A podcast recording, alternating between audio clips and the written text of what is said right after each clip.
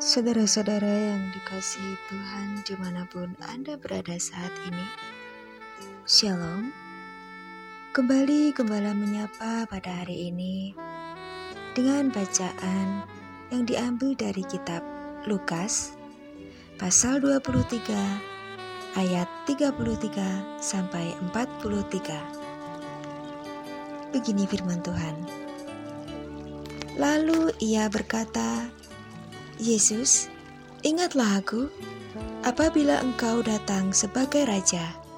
Terdapat dalam Lukas pasal 23 ayat 42.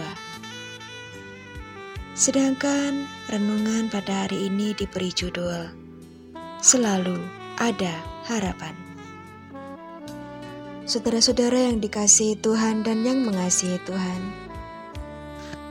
ada orang suka berbuat jahat berkali-kali diperingatkan, tidak juga sadar, malah semakin jahat.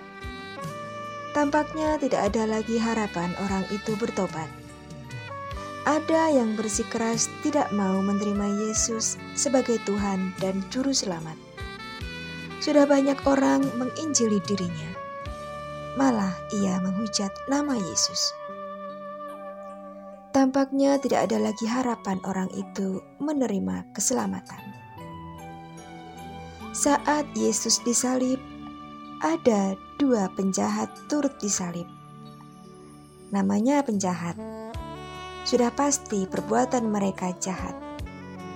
Sampai jatuh hukuman mati atas diri mereka. Saat tergantung di kayu salib, masih juga mereka berbuat jahat.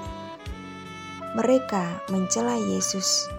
Terdapat dalam Matius pasal 27 ayat 44. Hatinya berubah sehingga ia menegur temannya. Tidakkah engkau takut kepada Allah sebab engkau menerima hukuman yang sama? Terdapat dalam ayat 40. Penjahat itu menyadari kesalahannya dan rela hati menerima salib sebagai hukuman yang layak baginya.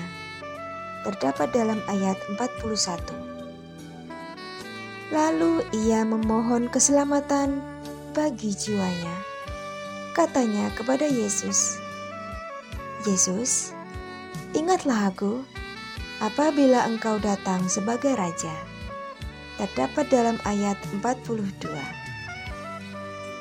Kisah penjahat itu menunjukkan bahwa selalu ada harapan bagi manusia yang jahat untuk bertobat.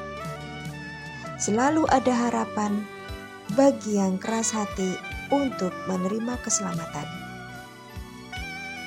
Sekarang, mungkin ada orang-orang di sekeliling kita yang masih suka berbuat jahat. Ada juga dari mereka bersikeras tidak mau menerima Injil keselamatan. Jangan lelah memperingatkan mereka. Pula berbicara tentang Yesus kepada mereka, karena ternyata selalu ada harapan bagi mereka.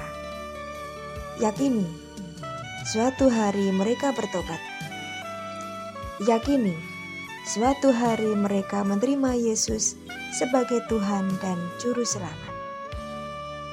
Demikian sabda renungan Gembala menyapa pada hari ini. Selamat beraktivitas. Tuhan Yesus memberkati. Amin.